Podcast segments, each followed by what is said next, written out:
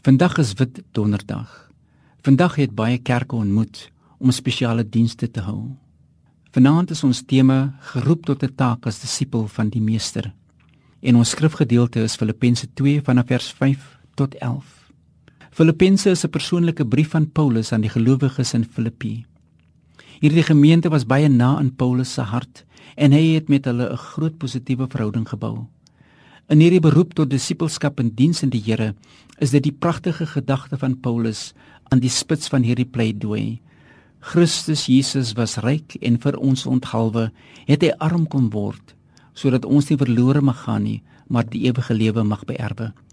Vir Paulus is Christus sentraal in alles en Christus die bron en model van Christelike vreedsaamheid. Die gelowiges te Filippi neem Paulus weer terug na hul eie verbond wat hulle gesluit het met Jesus Christus, verwysend dat die Christen bo die wêreld moet uitstyg. Christus alhoewel hy God is, het mens geword om God se verlossingsplan vir alle mense ten uitvoer te bring. Sy getroue diens aan die mens, soos Jesus God se wil in sy lewe uitgeleef het. Christus het aan die kruis gesterf vir ons sondes. Christus het homself totaal uitgestort. Hy het homself leeg gemaak. Alhoewel Jesus God is, het hy mens geword die uitgangspunt vir ware disippelskap, 'n nederige, selflose begeerte om te dien. Hoe kan ons die wêreld positief beïnvloed?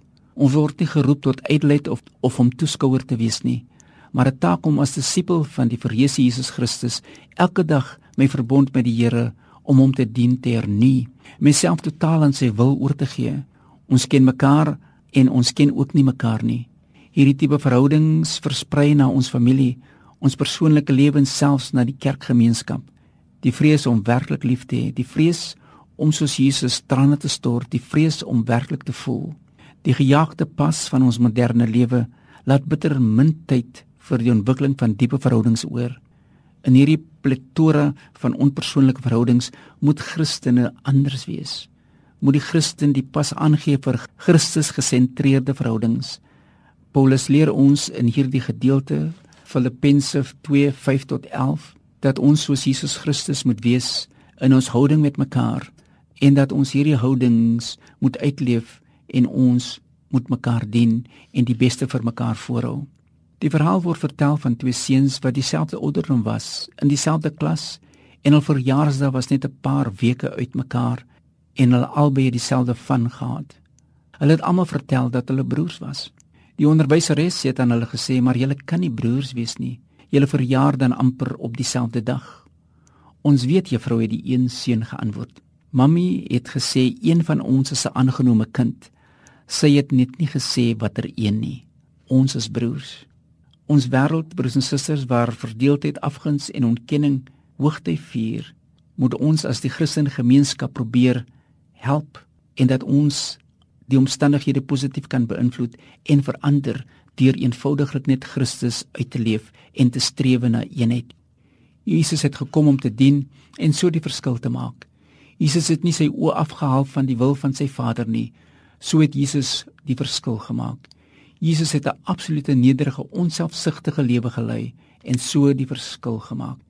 Jesus het geweet dat Judas hom sou verraai. Nogtans is dit met liefde wat hy uitgereik het na Judas maar liefde se versoek het Judas self afgekeur.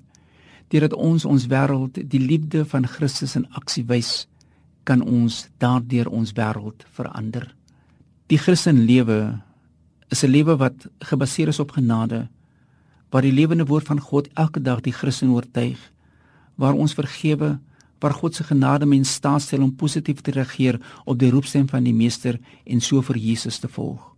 Mag dit wees, geagte vriende, dat soos ek geroep word om disipel te wees van die Here, dat ek my kruis elke dag sal opneem en die Here volg. Mag dit vir my en vir u net die begin wees van nuwe dinge en mag ons Jesus wegvolg.